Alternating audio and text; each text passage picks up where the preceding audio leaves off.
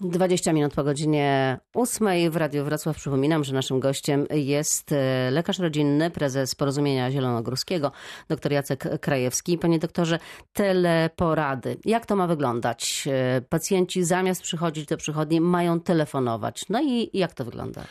Mają telefonować, ponieważ e, zachowujemy odległość, nie kontaktujemy się osobiście. Już e, na poziomie rejestracji e, musimy zidentyfikować objawy. Jeżeli jest tak, że mamy tą triadę objawów, no to pacjent generalnie jest informowany o tym, jak się zachować. Triada objawów, to jeszcze przypomnijmy, to są te trzy Gorączka, rzeczy. kaszel, duszność. Gorączka, kaszel, duszność. Jeżeli- co w takim przypadku? Jeżeli mamy gorączkę, kaszel, duszność, pacjenta kierujemy na oddział zakaźny.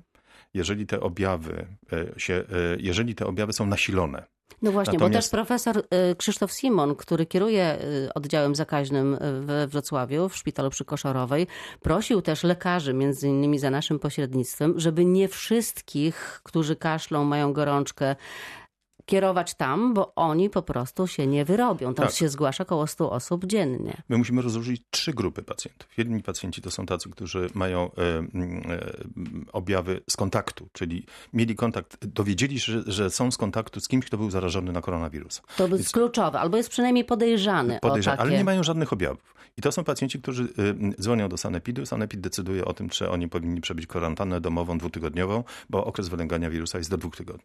Natomiast druga grupa, ta, która już pod nas podlega niejako, czyli grupa e, e, pacjentów, którzy mają objawy, mają gorączkę, mają kaszel, duszność, ale objawy są e, słabo nasilone.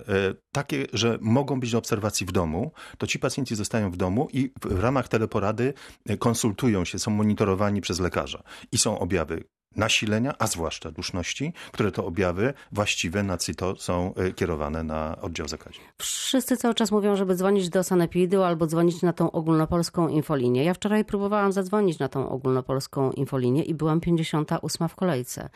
Taka jest rzeczywistość. Taka jest rzeczywistość, ponieważ jest dużo zgłoszeń i duża, e, duży niepokój pacjentów o tym, co się może zdarzyć. Natomiast e, teleporady, czyli to, że e, pacjent ma możliwość zadzwonienia do swojego lekarza, który go zna, który może także razem z nim ocenić, czy objawy są już niepokojące, czy nie, to e, jest duże ułatwienie. Poza tym pamiętajmy, że jest jeszcze cała grupa chorych, którzy wcale nie muszą być zakażeni koronawirusem, a jest okres e, między styczniem a marcem, kiedy jest zwiększona e, ilość przeziębień, różnego rodzaju infekcji. Przecież to e, przebywamy właściwie sezonowo co roku.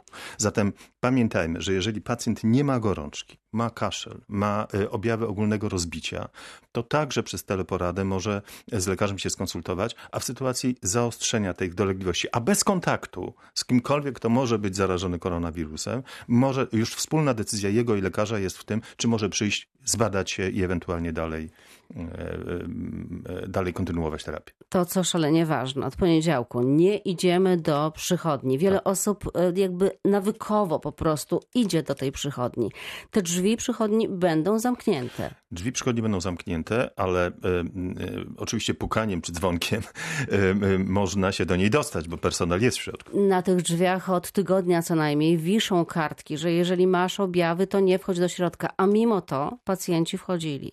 I jeszcze nie wchodzili. przyznawali się do tego, że mieli kontakt. Dokładnie. I to jest, to jest właśnie ten problem, że w momencie, kiedy pacjent się nie przyznaje, że miał kontakt z, korona, e, z chorym na koronawirusa, w momencie, kiedy zostaje z lekarzem, czy e, kontaktuje się z pielęgniarką, czy na przykład z innymi pacjentami, on może przenieść tą infekcję i tak naprawdę ustalenie całego łańcucha epidemiologicznego e, wszystkich ludzi, którzy kontaktowali z tym pacjentem jest w otwartej przychodni niezwykle trudne, ponieważ ludzie się rozchodzą. Nie zostają w jednym miejscu, tak jak w samolocie. A wtedy właśnie całą przychodnię trzeba będzie zamknąć. Czy lekarze rodzinni mają kombinezony, mają środki ochrony osobistej?